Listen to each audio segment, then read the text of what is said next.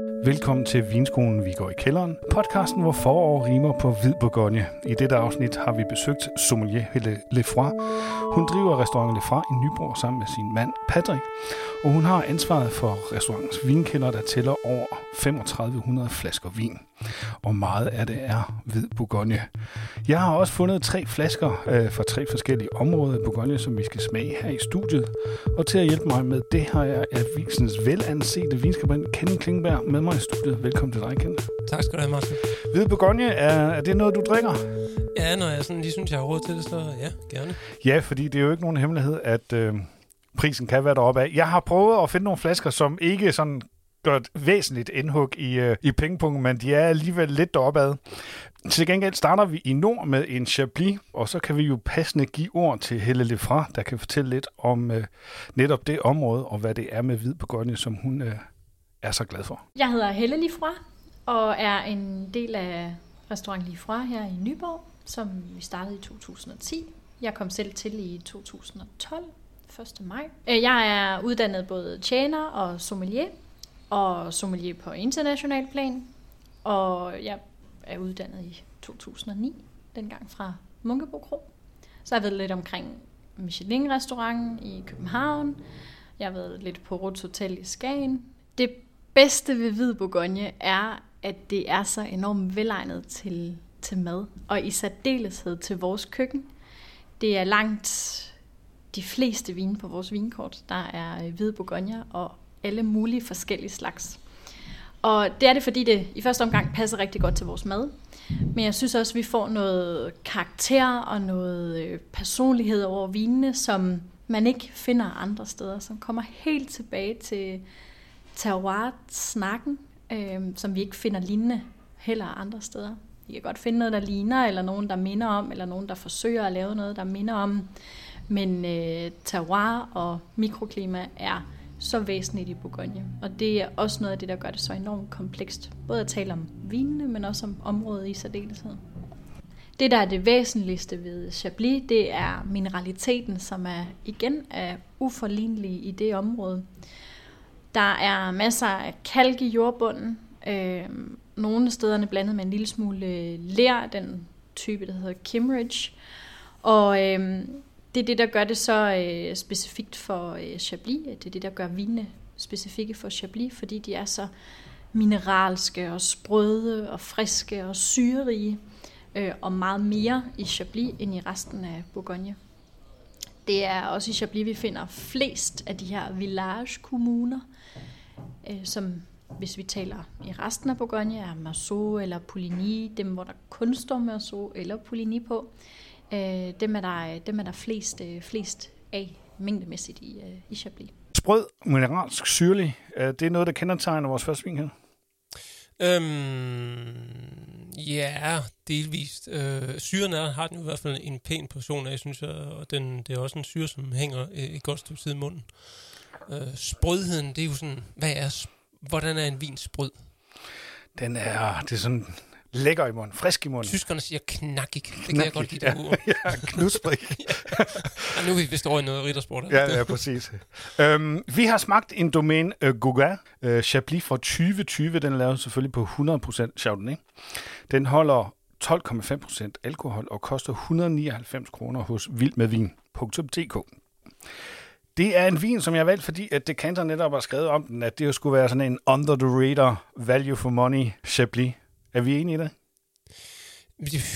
Altså, 199 kroner er også en slags penge. Det er det Øhm, nemlig. Så man skal jo også have noget værdi for pengene.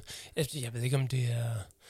Jeg ved, altså, sådan helt overordnet betragtet, for 199 kroner er det jo svært at finde sådan de helt store kanonslag i Chablis. Hvis man går lidt bredere ud og bare kigger på, hvad kan man få for 199 199 kroner, så kan man få mange gode hvidvin til den pris. Og derfor kan vi lige så godt afsløre med sammen. Vi ender på tre stjerner med den her, men lad os lige tage analysen. Mm. Udseendemæssigt er vi over i noget medium lemon. Mm. Duften, medium intensitet, det er ikke fordi den sådan vælter op af glasset. Øhm, og hvad har vi skrevet sådan, som de første? Jamen, øh, noget, egentlig mest noget pære og citron i duften, øh, og så, så var du inde på, at den har sådan en eller anden blomstret note. Det er svært lige at pinpointe præcis, hvad der er for nogle blomster, vi er ude i her. Ja, og så var vi sådan enige om, at det hele fylder lige meget. Det er sådan en meget jævn øh, duft. Der er ikke noget, som stikker ud sådan for alvor. Nej, det er sådan, det er pænt glat hen ad vejen. Og høj syre er det første, vi har noteret ved smagen. Ja, og øh, som sagt, det er en syre, man godt kan øh, mærke et stykke tid i munden. Så har den øh, egentlig mere noget gul frugt hen i retning af fersken eller nektarin, øh, frem for den der pære, man kunne fornemme i duften. Øhm, men det er, noget, det er noget meget moden frugt. Øhm, til gengæld måske knap så dyb i smagen. Den er rimelig hurtigt overstået, synes jeg, i munden. Ja, vi snakker lidt om, at syren egentlig holder ret godt ved, men, men smagen af frugten, den forsvinder forholdsvis hurtigt. Og så var jeg inde på, at jeg, jeg, jeg synes, der var sådan en metallisk mundfølelse, altså noget mineralsk i det. Det er ikke en smag, det er sådan en, en mundfølelse af, at måske noget koldt metal eller et eller andet. Mm. Og den, øh, den, den lader vi bare hænge der. øh, og derfor tænker jeg også, at den kunne passe meget godt til noget kammusling. Ja. Eller, øh, vi har også skrevet gratineret østers. Ja, jeg tænker bare, øh, umiddelbart tænker jeg jo chablis og skalddyr, men jeg synes måske, den er mm, trods alt rimelig frugtig i smagen, og knap så salt, som jeg kunne tænke mig til nogle østers for eksempel. Så nogle gratinerede østers, det må blive den gyldne middelvej. Godt, og altså tre stjerner for øh, Gogang Chablis. Du lytter til Vinskolen, vi går i kælderen, der denne gang handler om hvidvin fra Bourgogne. Vi har netop smagt en Chablis. Nu drager vi lidt længere sydpå til Côte d'Or, og mens vi smager på den næste vin, vil sommelier Helle Lefroy gøre os klogere på krydssystemet og druerne, som man bruger i Bourgogne. Når vi taler kry i Bourgogne, så starter vi med sådan, i, i grov træk øh, sådan en, en AOC i Bourgogne. Det er entry-level Bourgogne, som er den mest øh, simple version af en Bourgogne, vi kan finde, om den så er hvid eller rød. Så er der village-niveauet, som er, hvis vi taler Merceau eller Poligny Mouraget eller Chablis, og der ikke står andet på etiketten. Og så er der Premier Cru vinene. Det er her, hvor der vil stå eksempelvis i Chablis, Premier Cru Fourchum, eller øh, det kunne også være øh, Premier Cru i, i Saint-Aubin, det kunne være Saint-Aubin, Premier Cru, en Remy. Og så er der Grand Cru-vinene, som er de bedst beliggende marker med den bedste eksponering, enten syd- eller sydøstvendt. Og øh, det er dem, der sådan er færrest af. Det hedder øh, 2% af hele Bourgognes øh, produktion, der er, er Grand Cru.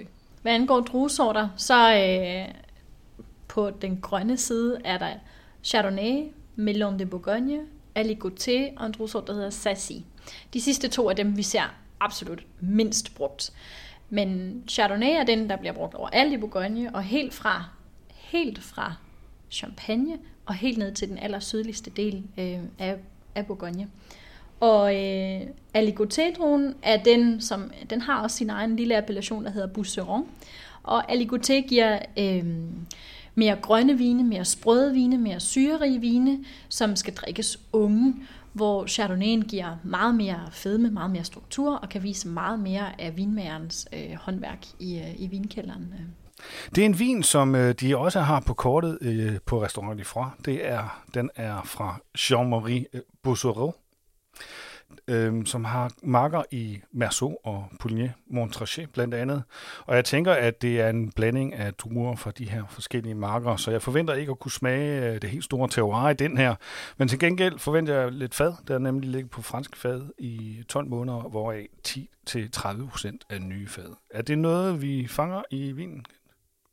Det synes jeg, øhm, men, det, men det er sådan meget dæmpet, især i duften. Der, der er det mest sådan en, en note af noget dild, jeg synes, jeg kan fange. Øhm, det er lidt, lidt tydeligere i smagen. Der, der kan man godt fornemme, at den har været hen over nogle fade.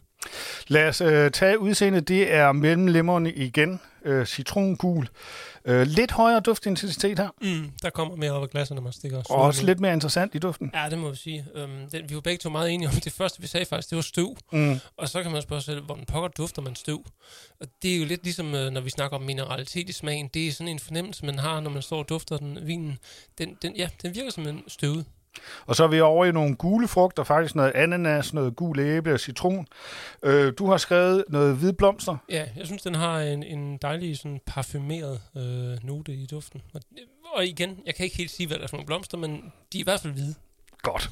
Og så har vi så dild, som, skulle, som kommer fra, fra fadet. Mm. Og så står der åbent til sidst. Kan du sætte nogle ord på jeg det? Jeg synes, den, når man øh, dufter vinen, så virker den bare... Øh, nogle vine kan virke meget sådan enstrenget og, og giver kun én ting fra sig, andre giver nærmest intet fra sig. Den her virker som om, den har faktisk ret meget at byde på, at man kan stå og snuse til den, uden at blive træt af dufte. Lad os gå videre til smagen. Høj syre. Mm, ja, jeg tog den ind i munden og kørte den lidt rundt, og jeg synes faktisk, øh, den havde et rigtig, rigtig godt riv i gummerne, i kinderne, og jeg kunne mærke allerede, mens jeg havde den i munden, hvordan mundvandet begyndte at drive. Og frugtmæssigt, der er vi over i noget ananas og noget aprikos, frisk aprikos og noget greb. Der er sådan en lille bitter afslutning. Og så er vi igen på det her mineralitet, fordi det er faktisk mere, mere tydeligt, den her, synes jeg, med den der metalliske mundfølelse, og du har skrevet salt også. Ja, ja. jeg synes, det, er- det, det er tydeligt, den her. Det er det. Og så skriver du til sidst, svær at spytte ud. Det synes jeg, den var. Jeg Ja. ja. brød mig ikke om det. Stegt fisk, Mm. smørsovs, lidt syrligt til. Ja, tak. Jeg øh, foreslog, at øh, det kunne være noget stegt rokkevinge med en øh, brun smør og lidt kavers til. Ja, jeg kommer gerne. Vi er jo pænt glade for den her. Ja, det er vi. Øhm, og, øh, og den koster det samme, som vi havde Sablin, vi havde lige før. Øhm, her synes jeg, at man får meget mere øh, drikkeglæde for de samme penge. Skal vi give den lidt flere så? Jo, jo. Fem stykker. Ja, lad os sige det. Sådan. Du lytter til Vinskolen, vi går i kælderen. Vi slutter vores lille tur de hvid Bourgogne af i Macon. Og mens vi smager på den sidste vin, vil Helle fra fortælle lidt om aflovgivning i Bourgogne, som er med til at komplicere det hele en smule. Og så vil hun selvfølgelig også lige fortælle lidt om, hvad vi kan vente af vine fra Macon.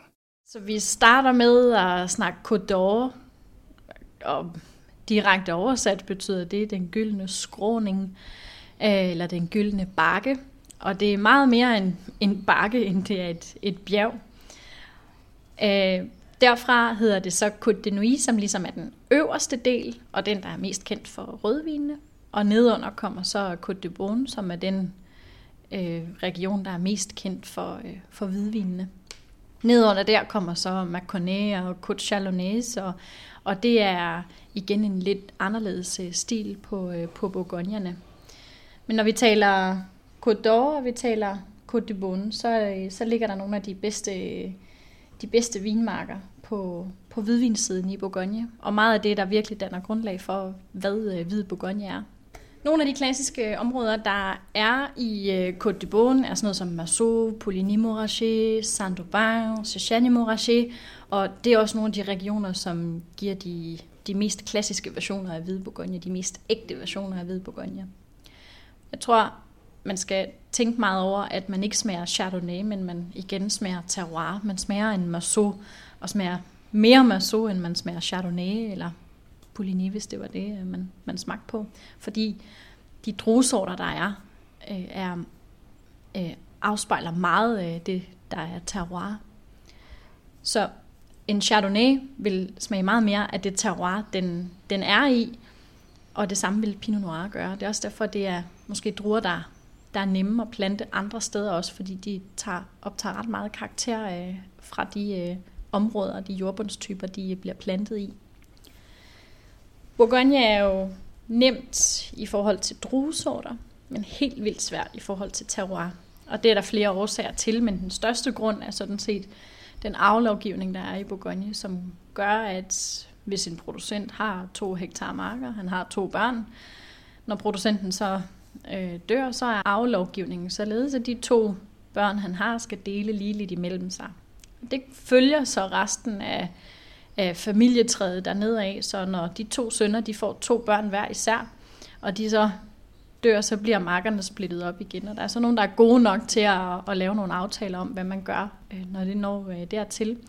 Men det gør det enormt komplekst, og, og et, eksempel er altid at gå tilbage til marken Clos de Vauchot, som er en kæmpe, kæmpe vinmark, men den vinmark, der er delt op i flest lodder.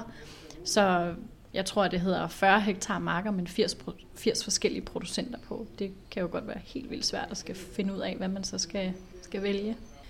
I Macon får vi øh, nogle lidt anderledes versioner af, øh, af Chardonnay. Det er typisk vine, som gerne ser malolaktisk gæring og batonnage, så vi får mere fylde og mere volumen, mere fedme, mere rigdom. Også fordi, at i Macon er der ikke lige så meget komponeret jordbund, som der er i øh, Côte de Beaune, og det betyder, at terroirdelen er mindre væsentlig i øh, Macon. I øh, Macon ser vi meget mere arbejde i, med vinen i vinkælderen for at få lidt mere, øh, kan vi sige, lidt mere ud af vinene og få dem til at udvikle sig en lille smule, øh, en lille smule hurtigere.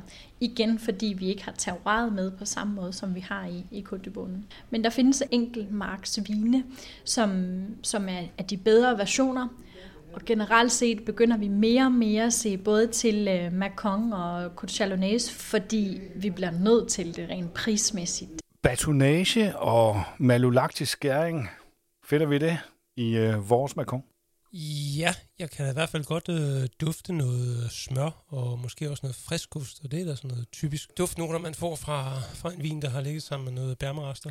Ja, og den her, den har i hvert fald også ligget øh, syrlig, eller lødlig, som det åbenbart hedder. Og, og det siger lagt skæring selvfølgelig også øh, nogle øh, smørnoter der. Og hvis vi lige skal øh, repetere, så er batonage...